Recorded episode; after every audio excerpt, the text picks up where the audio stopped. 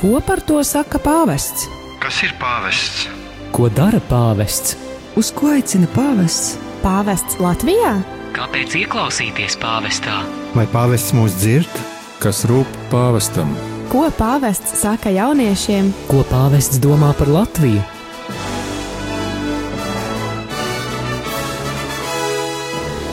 Gaidot pāvesta vizīti Latvijā, atbildes uz šiem un daudziem citiem jautājumiem meklēsim raidījumā Pētera pēdās. Katru piekdienu, pulksten 13. ar atkārtojumu sestdienā, pulksten 10.10 10 un otrdienā, pulksten 22.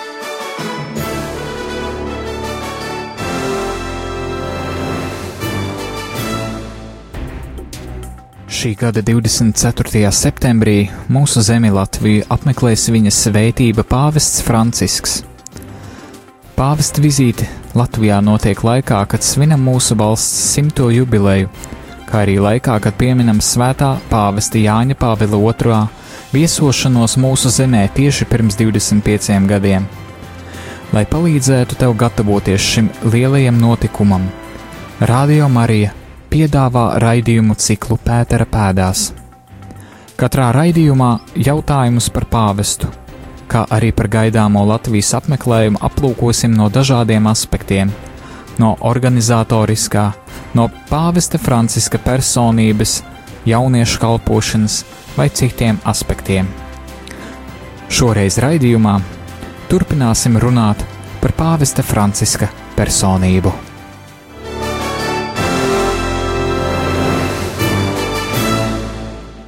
Šodien raidījumā Ieklausīsimies Jēzuītu tēva Jāņa Meļņikova iespaidos par pāvestu. ielūkosimies pāvesta Franciska grāmatā Pazemības ceļš. Atkal dosimies ielās, lai uzzinātu, ko cilvēki zina par pāvestu Francisku. Un visbeidzot, noslēgsim ar mūsu pašu iespējām par pāvestu Francisku. Šoreiz raidījumā ar tevi būsim arī mēs, Aigars Brikmanis un Roberts Anģāns.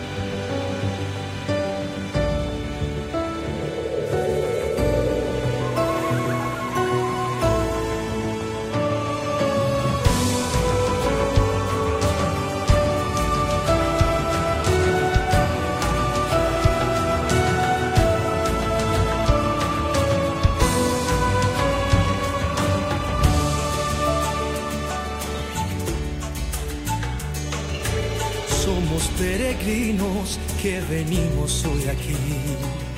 De tantos continentes e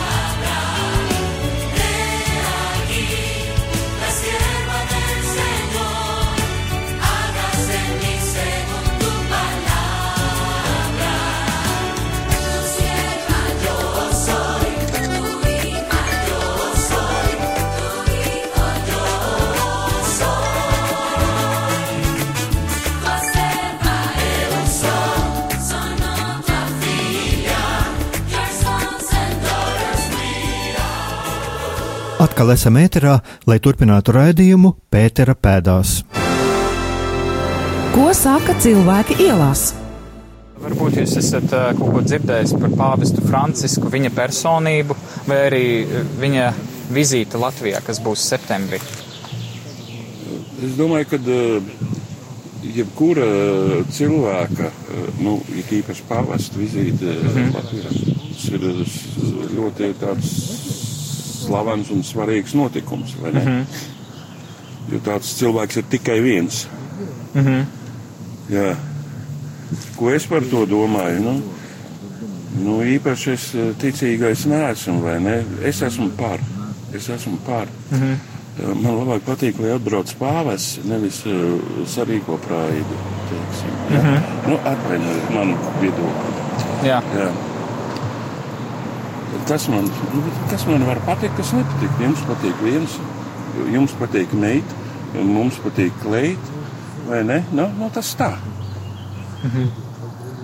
Tālāk. Varbūt eh, jūs varat kaut ko par personību, par pāvestu esat dzirdējis. Uh, jā, nu tas, ka viņš ir no Dienvidamerikas, vai ne? Mm -hmm.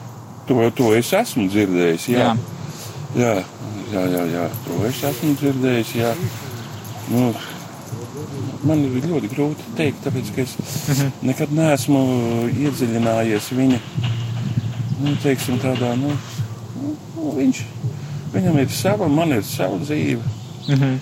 Nu, atvainojiet man, es nemāku izteikties. Es Nu, nemāku- tas jau Vi- visi ir ļoti- visi ir ļoti labi. Jā. Es nemāku izteikties tāds. Mhm. Man uz sitienu tā vajag at- atbildēt. Ja man uzdot jautājumus, varbūt vai ne.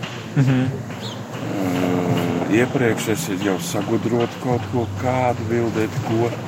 Mhm. Nu, š- šobrīd man nav tādas. Mhm.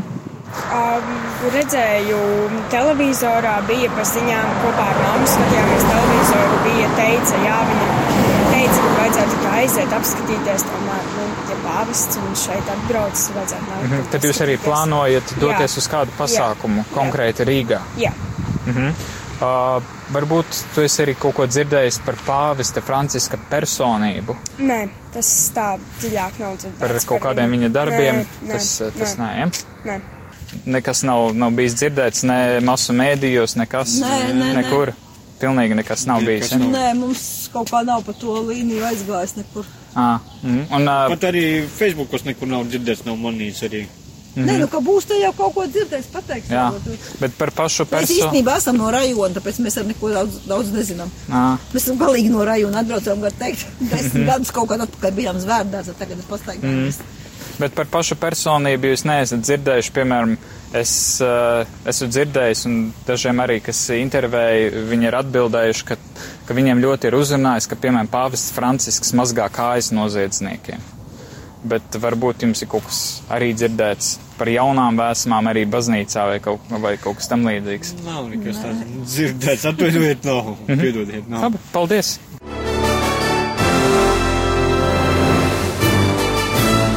Atkal esam ēterā. Ieklausīsimies Jēzuītu tēva Jāņa Meļņikova iespaidos par pāvestu. Eksperta viedoklis. Šobrīd par, par pāvestu Francisku mums pastāstīs jēzuītu priesteris Jānis Mēnikovs. un Es domāju, ka īpaši jau ir tieši tas, ka jēzuītu priesteris, jo mēs jau zinām, ka, ka pāvests nāk no jēzuītiem. Un eh, pirmais jautājums man ir priesterim, kā Kas jūsuprāt ir šis pāvests un, un ar ko šis pāvests uzrunājas? Nu, par pāvestu mēs zinām, kas ir pāvests. Jā.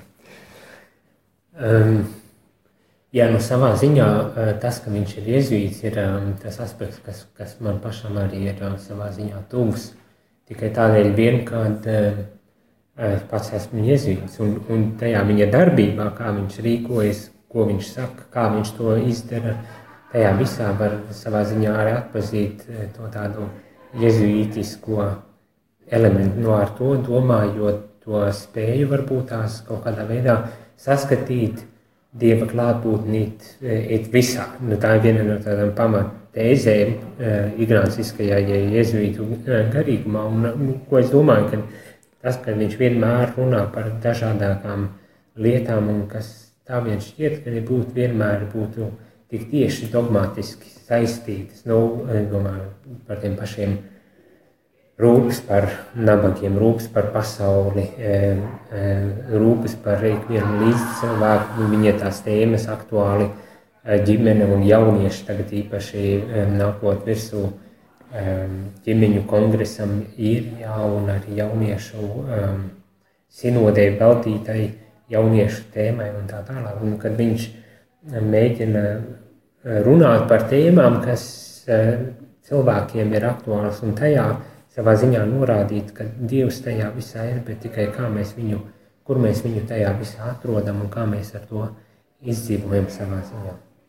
man tā, man tā šķiet, um, tas to nevajadzētu uztvert kā tādu tikai jezuītisku lietu. Man vispār šķiet, ka tas ir ļoti arī um, bībeliski, tas viss viņa darbības veids, un ar to es domāju to faktu, ka, ja, piemēram, mēs paskatāmies, kā Bībelē Jēzus ir darbojies, ar ko viņš ir nodarbojies, nu, vispirmām kārtām, protams, nāk prātā, ā, tātad brīnumi, mācīšana, sludināšana un atgriešana no, no neceļiem vai vēl kaut kas tam līdzīgs, vai ne, bet tā, tā pamat, savā ziņā tā pamat lieta ir tas, kad Izraēlas Jēzus laikā iet cauri dažādām grūtībām, un viena no tām lielākajām grūtībām ir tas, kā pieņemt faktu, ka Izraēlas ir, kad Izraēla pārvalda kāds cits, un, un Izraēlas pats uzskata, ka tā ir tāda uh, rezultāts tam, kad tauta ir nogājusi neceļos, nesako vairāk savam dienam, dievam, uh, tik uh, skaidru un tieši kā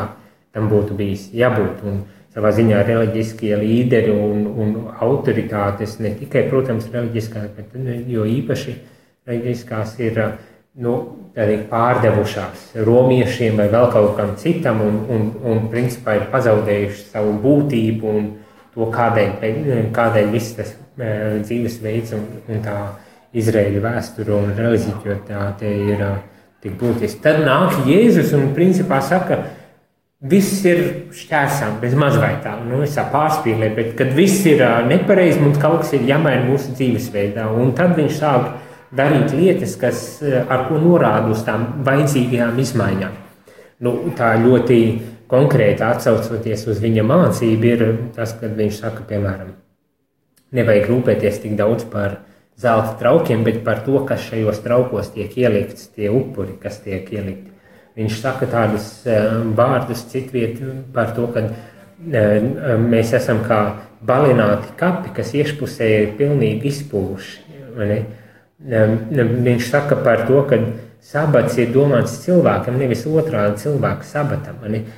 Kad eh, tā, tā pastāvošā kultūra un mentalitāte visa bija tik ļoti padarījusi uh, Nu, es mīlu teikt, dogmatizējusi tās lietas, nemaz racionāli nepārdomājot, nu, kas tam visam ir pamatā, kas, kur ir tā būtība tajā, tajā visajās dzīvesveidā, tajā kārtībā, tajās likumos un tā tālāk. Un Jēzus te nāk un saka, ka būtība principā ir pavisam kaut kur citur. Tas nav par traukiem, par likumiem vai vēl kaut ko tādu, bet tas ir par cilvēku un viņa attiecībām ar Dievu un kā mēs varam atgriezties pie šīm attiecībām. Un, Un tad tas viens ļoti spēcīgs norādījums šim, kā mēs varam atgriezties, ir saprast, ka piemēram rūpes par nabagiem.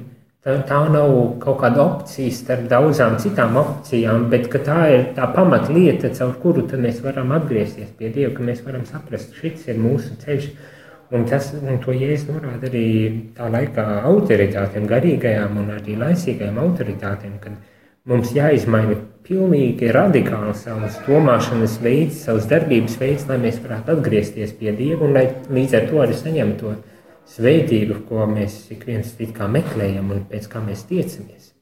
Jā, tad mēs tagad, ja mēs atgriežamies pie pāvesta, tā tad, e, cik es saprotu no jūs teiktā, tad pāvests e, arī ir e, būtībā norāda līdzīgi kā Jēzus uz to, kur mēs patiesībā, es, var, es pat uzdrošināšos teikt, kur pat mēs esam aizgājuši no Dieva.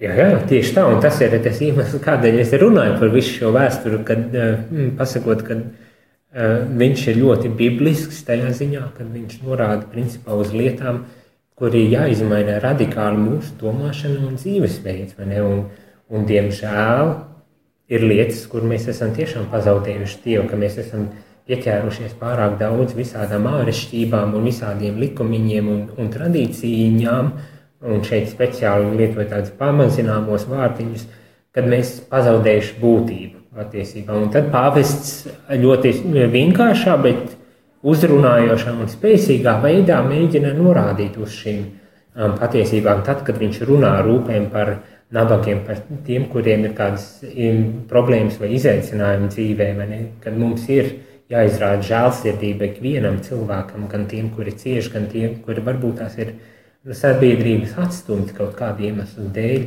Tāpat tās tā, rūpes par, par dabu ekoloģiju, tas viss ietver, tā ir tā kristīgā vēsts.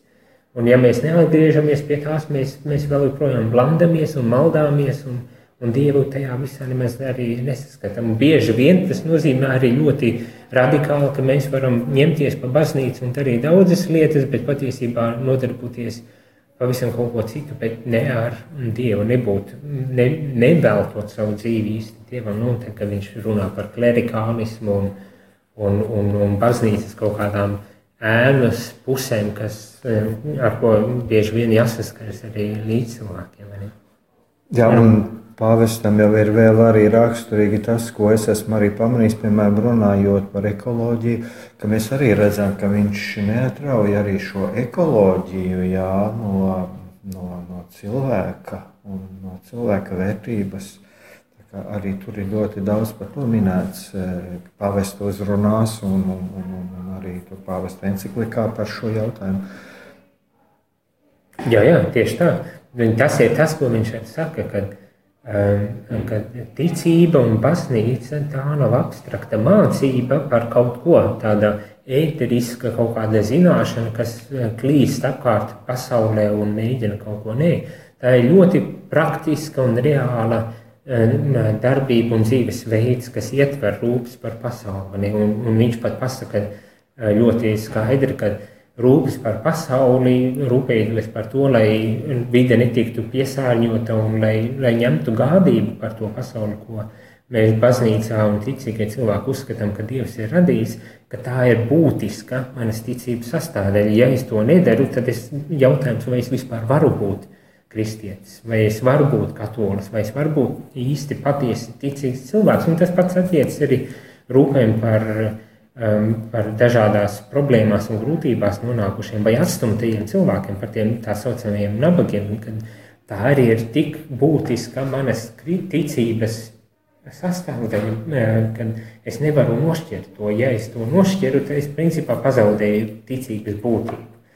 Uh, Un, un tad jautājums, ar ko tad es īsti nodarbojos? Vai tā ir ideoloģija un kaut kāda mācība, ko es tagad mēģinu uh, pārdot vai nodot citiem cilvēkiem, vai kaut kādā veidā manipulēt, vai tomēr tā ir mana dzīves pārliecība, tas tā uh, dzīves nu, tā enerģija, kas izriet no attiecībām ar Dievu un līdz ar to attiecībām arī ar līdzcilvēkiem. Un Man šķiet, pāvests ļoti skaidri un, un nepārprotami arī to norāda. Un, diemžēl, diemžēl vai, vai kā mēs redzam, ka tā ir arī lielas pretestības un lielas ne- nepatikas un nesaskaņas attiecībā uz šo lietu. Un bieži vien tā nepatīk iz- iznāk no cilvēkiem, kuri ir tā saucamie baznīcas cilvēki, kuri ļoti dziļi ir iekšā, vai tie būtu priesteri, mācītāji vai, vai, vai reliģiskie vai kādi citādi. Jo tas, ko varam redzēt, ir, ka pasaule daudz vairāk un atvērtāk viņu pieņem nekā bieži vien baznīca. To nevajag vispārināt, protams, bet nu, tas ir tas, ko bieži vien mēs, mēs eh, redzam sabiedrībā. Kas jums pašam pāvests ir? Tieši šis pāvests, kā es uzrunāju.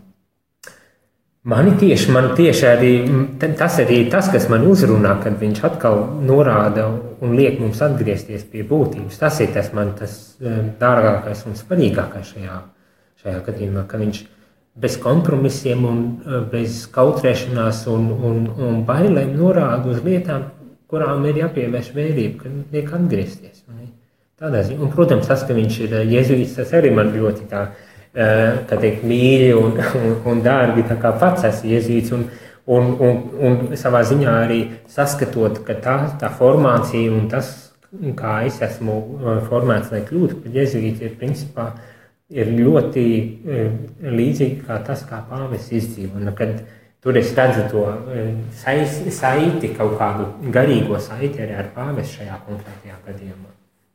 Paldies! Paldies! Gaidot pāvesta vizīti Latvijā, raidījums Pētera pēdās katru piekdienu, pulksten 13. ar atkārtojumu sestdienā, pulksten 10.10 un otrdienā, pulksten 22.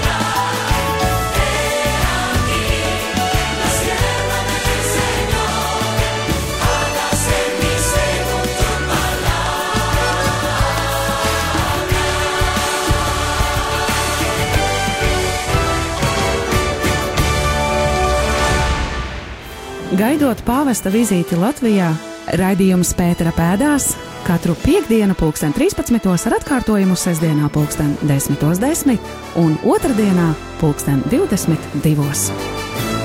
Mūsu zeme ir saņēmusi vēl vienu dāvanu šogad, un tā ir pāvesta Franciska grāmatiņa Pazemības ceļš, korupcija un grēks par sevis vainošanu. Un es domāju, ka tā ir ļoti liela dāvana mūsu sabiedrībai, kur mēs katrs varam ieskatīties savā sirdsapziņā, kas notiek ar mani, kas notiek ar mani personīgi, kas notiek ar manā sirdī, un kas arī mums palīdz saskatīt tās problēmas, kuras mēs redzam apkārt, jo korupcija ir viena no mūsu sabiedrības lielākajām problēmām, un kas ievaino visu sabiedrību un, un arī apdraud mūsu sabiedrību. Un tāpēc, lūk, es šeit vēlos nolasīt vienu no. Vienu fragment no šīs pāvesta Franciska grāmatiņas Pazemības ceļš. Lūk, pāvesta rakstītais. Pāvests raksta. Mums nāks par labu tas, ja kopā veltīsim pārdomas korupcijas problēmai un arī tās saistībai ar grēku. Mums nāks par labu tas, ja mūsu dvēseli satricinās evaņģēlīja pravietiskais spēks, kas mūs vedīs pie patiesības, aizvācot cilvēcisko vājību un līdzdalības kritušo lapu slāni, kurš var radīt pūšanai labvēlīgus apstākļus. Mums ļoti nāks par labu tas, ja dieva vārda gaismā iemācīsimies atšķirt dažādās korupcijas sitā, situācijas, kas mūs apņem un draud aizvest neceļos. Mums nāks par labu tas, ja atkal cits citam teiksim: Jā, es esmu grēcinieks, bet neesmu korumpēts, un teiksim to ar bailēm, ka mēs korumpētību varētu vienkārši uzskatīt par vēl vienu grēku. Lūk, tas ir šis pāvesta citāts no grāmatiņas Pazemības ceļš.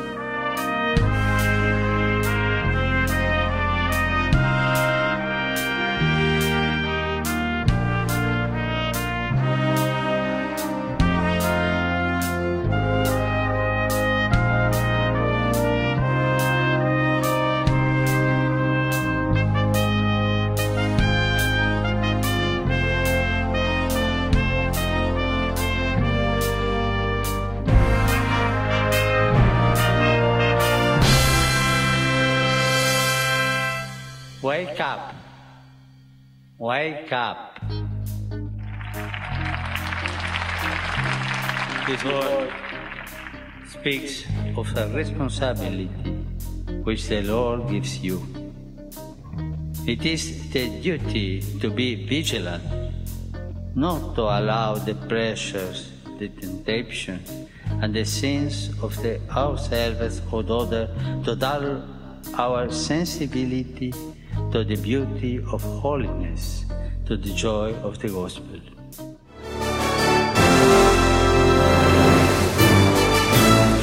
Atkal esam ēterā, lai turpinātu raidījumu Pētera pēdās. Šoreiz raidījumā Aigars Brikmanis un Roberts Anģāns. Šodien mēs paši, raidījuma veidotāji, padalīsimies ar mūsu iespaidiem par pāvestu Francisku. Liecība. Jā, nu, tā ir tad patiesībā tāda, es domāju, viena no tādām iespējām, vai varbūt pat no tādām manām vēlmēm padalīties arī pašam, jo, nu, es domāju, ka radio klausītāji ir dzirdējuši arī manos raidījumos diezgan daudz, kur es runāju par pāvestu homīlijām, kur es runāju par to, kā mani pašu personīgi iespaido pāvesta homīlijas, bet um, tas nav gluži tas, ko tajā visā, pilnībā visās tajos aspektos manā garīgajā dzīvē, gan kā ietekmē manu garīgo dzīvi, kā manas izjūtas ietekmē pāvests Francisks. Jo mm, es varu teikt tā, ka es no rīta pamostos, bieži vien man rīts sākas ar Vatikāna radio, un kādreiz ir tāds sliktāks noskaņojums, ir kaut kāda problēma, kuru ir grūti risināt, un es noklausos pāvesta Franciska kādu uzrunu vai homīliju. Un man uzreiz tā kā pavērās ceļš, un pat ja es nesaņēmu kādu uzreiz atbildi, tad es saņemu tādu garīgu stiprinājumu. Es saņemu garīgu stiprinājumu, es saprotu to, ka es neesmu viens ar savām problēmām, ar savām rūpēm, eh, ka, ir, mm, ka ar mani ir Dievs, un, un ka galu galā ir arī citi cilvēki ar savām rūpēm, ar savām problēmām, un galu galā neviens arī neviens svētais nav bez tā izticis. Un tā kā es domāju, ka tas ir tieši tas stiprinājums, es pat teiktu, tāds garīgs un, un arī intelektuāls stiprinājums man ir nāk no Pāvesta Franciska, ja viņš arī bieži vien sniedz tādas atbildes, konkrētas un neliekuļojot. Un, un kas man ir arī vēl ļoti pievilcīgi pie Pāvesta Franciska, tas ir tas, ka viņš nemoralizē. Ja mēs ieklausāmies, ko runā Pāvests Francisks, ja mēs paskatāmies, ko Pāvests Francisks raksta, viņš raksta ļoti stingri. Bieži vien viņš saka skarbus vārdus, bet tie ir pateikti mīlestībā, un tie ir pateikti arī mīlestībā pret grēcinieku. Līdz ar to, ko es saskatu, kas man pašam ir ļoti svarīgi, ko es arī esmu centies mācīties no Pāvesta Franciska, tas ir tas, ka arī saskarsmē ar grēku, saskarsmē ar grēcinieku, neievainot grēcinieku. Saprast, saprast arī pazemībā, ka arī es pats esmu grēcinieks, un jo bieži vien jau šis cilvēks, kurš ir pakritis, kurš ir grēkā, viņš jau arī īsti nesaprot šo savu situāciju, viņš jau nav gatavs to pieņemt, atzīt, viņš nav gatavs tai tam, lai pieceltos, un bieži vien jau mums ir jābūt tikai šim cilvēkam blakus. Un pāvests ļoti labi tieši ar šiem savu rīcību, ar saviem vārdiem, viņš, viņš ļoti labi parāda, kā attiekties pret grēcinieku, kā attiekties pret grēku, nepazemojot cilvēku. Nepazemojot to cilvēku, kurš ir ievainojumu, kaut kādu ievainojumu dēļ, kurš ir šajā grēkā, bet kā, kā šim cilvēkam palīdzēt piecelties. Un es domāju, ka tā ir viena no tādām būtiskajām lietām, ko, ko mums vajadzētu mācīties, un ko es arī cenšos mācīties, būt patiesam. Nebaidītos no patiesības, bet arī atrast laiku, to pareizo laiku, kad cilvēkam pateikt šo patiesību, palīdzēt viņam iet pie patiesības un mīlēt šo cilvēku neatkarīgi no tā, kādā stāvoklī viņš atrodas, un arī neatkarīgi no tā, kā viņš attiecās pret mani. Jo bieži vien jau tad, kad mums dara pāri, kad mūs ignorē, vai kad par mums kaut ko sliktu runā, vai kā citādi, kad mūs ievaino, un, un arī tie pagātnes ievainojumi, viņi, viņi mums ļoti, ļoti traucē, ļoti traucē dzīvot pašiem savu dzīvi, un ļoti traucē tuvoties Dievam. Tad lūk, šis pāvesta piedāvātais ceļš, ko mēs saskatām gan homīlijās, gan, gan, gan viņa rakstos. Tas ir ļoti brīnišķīgs piemērs. Es vēl varu piebilst arī to, ka mēs evanģelizācijas šūn, šūniņā ņemam pāvesta homīlijas, skatām cauri. Un cik brīnišķīgi mēs piedzīvojam praktiski katru vakaru, kad mums notiek evanģelizācijas šūniņa, mēs redzam, cik brīnišķīgi šis pāvesta teksts uzrunā cilvēku, un, un viņš vienmēr atrod sirdī kaut kādu, kādu vietu, tur, kur jo cilvēks nāk pie mums ar savu sāpi, ar savu problēmu, atnāk padalīties. Ja, un pateicoties šim pāvesta homīlijai, viņa ir viņu uzrunājusi cilvēks ir atradis, atradis tur, tur dieva klātbūtni, dieva vārdu, jo kā pāvests jau arī atsaucās homīlī, atsaucās uz evaņģēliju, un pāvesta teiktais cilvēku stiprina, cilvēks aiziet no mums, no mūsu šūniņas, aiziet stiprināts mājās, un arī mēs jūtamies visi stiprināti. Jā, paldies par tavu tādu visaptverošu liecību arī kā, kā pāvests Francisks ar savām runām un arī ar savu piemēru, kā viņš arī ir, teiksim, tā ienācis tavā dzīvē. Uh, ja es, ko es varētu padalīties no savas puses es varētu pateikt tā, ka mm, es redzu, ka, ka šie pēdējie pāvesti, ne tikai pāvests Francisks, ir pavisam kaut kas cits nekā kas kādreiz ir bijis vēsturē, kādi, kādi pāvesti ir bijuši. Un tāpat arī man jaunietim, kurš esmu tikai, teiksim, tā 26 gadus jauns, tad uh, man arī tā šķiet, ka tās ir tādas jaunas vēsmas. Un arī kā pateica, īstenībā mums jāpasakās Dievam, jo tāpat kā mēs tagad dzīvojam šajā tehnoloģija attīstību laikmetā, uh, ar visām mūsu zināšanām, tehnoloģijām, un ka mums uh, kabatās var būt tādi portatīvie datori un, un vispārējais, un ka mums ir pieejamas informācijas plūsmas viena pirkstiena attālumā, tad, tad arī īstenībā līdzīgu, līdzīgi es, līdzīgi es saskatu arī pie pāvestiem, ka arī šie pāvesti ir ļoti viedi, ka viņi ir, um, teiksim tā, tādas, nu, nezinu, jaunas vēsmas baznīcā un um, pavisam atšķirīgi arī kā, kā, kā viņi darbojās, kā viņi, uh, kā viņi izturās, kā arī, teiksim tā, mēdī, kā parāda. Un, um, protams, arī mani bieži vien uzrunā. Es varbūt neesmu tik, tik ļoti iedziļinājies uh, visā, un, uh, bet uh, šādi tad ik pa laikam es dzirdu arī, ka, ka kāds sprediķī piemin, un tā, tā, teiksim tā, kā ļoti tieši, un es pat teiktu, tas ir tas, kas tautai ir vajadzīgs. Bez liekvārdības, bez, bez lieka ūdens, uh, bet tieši to, to, ko vajag dzirdēt. Un es domāju, tas arī ir tas, uh, tas uh, tā gaisma, pat varbūt arī, kā evaņģēlijā saka, tā sāls, kas arī uh, šim pāvestam piemīt un ko var redzēt arī šo gadu, šo gadu gaitā, kamēr viņš, kamēr viņš ir mums, uh, kas nezaudē savu sāļumu jo kā, kā viņš iesāk, īsnībā tā arī vēl joprojām mēs redzam, ka, ka viņš spēj šokēt, un šokēt nevis uh, sliktā nozīmē, bet ļoti labā.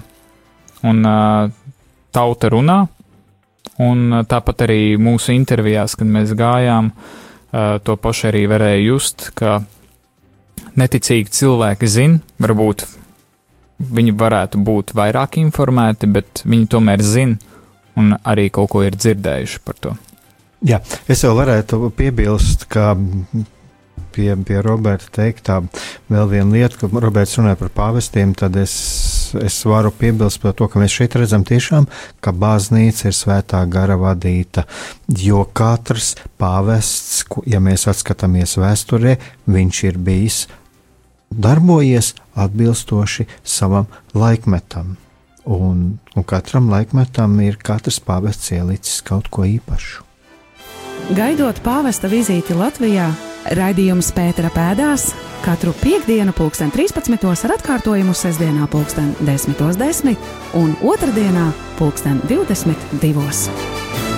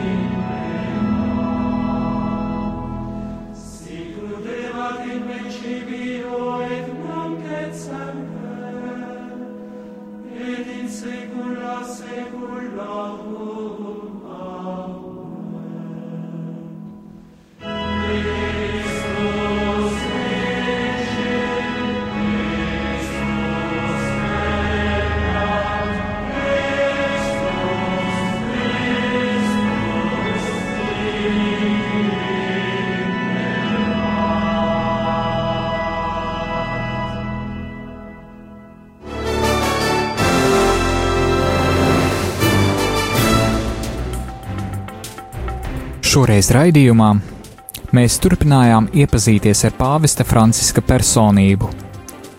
Ceram, ka šis raidījums sniedza vismaz nelielu ieskatu dažās notiks spilgtajām pāvesta Franciska personības šķautnēm, kuras mēs varam turpināt iepazīt turpmākajos mēnešos, kamēr gatavojamies pāvesta vizītei Latvijā.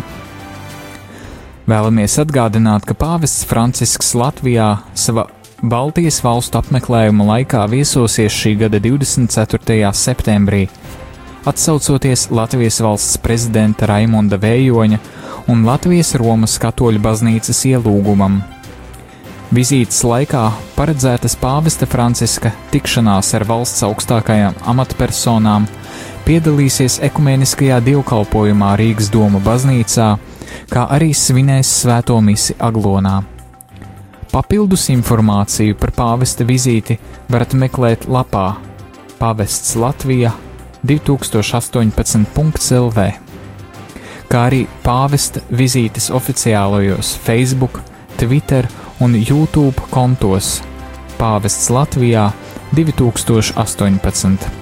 Par citām aktualitātēm saistībā ar pāvesta vizīti turpināsim informēt raidījumā Pētera pēdās, kā arī atgādinām, ka pāvesta gaitām Baltijā varēs sekot arī ar Radio Marija Latvija starpniecību.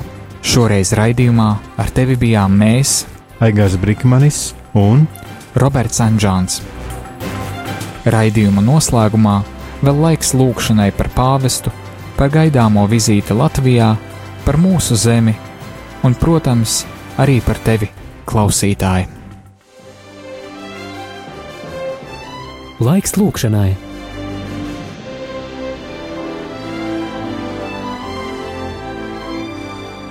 Kungs Dievs, visu ticīgo gans un vadītājs. Uzlūko mūsu pāvestu Francisku, kuru tu esi aicinājis būt par tavas baznīcas galvu, un ļauj viņam ar savu vārdu un piemēru vienmēr stiprināt visu ticīgo vienību un kopā ar sev uzticēto ganāmpulku iemantot mūžīgo dzīvi. Mēs tevi lūdzam mūsu Kunga Jēzus Kristus vārdā, kas ar tevi dzīvo un valda Dievs visos mūžu mūžos.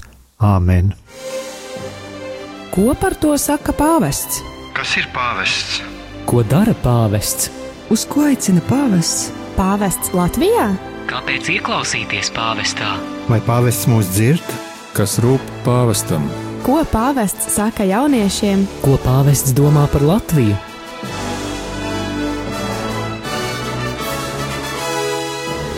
Gaidot pāvesta vizīti Latvijā, atbildes uz šiem un daudziem citiem jautājumiem meklēsim raidījumā Pētera pēdās.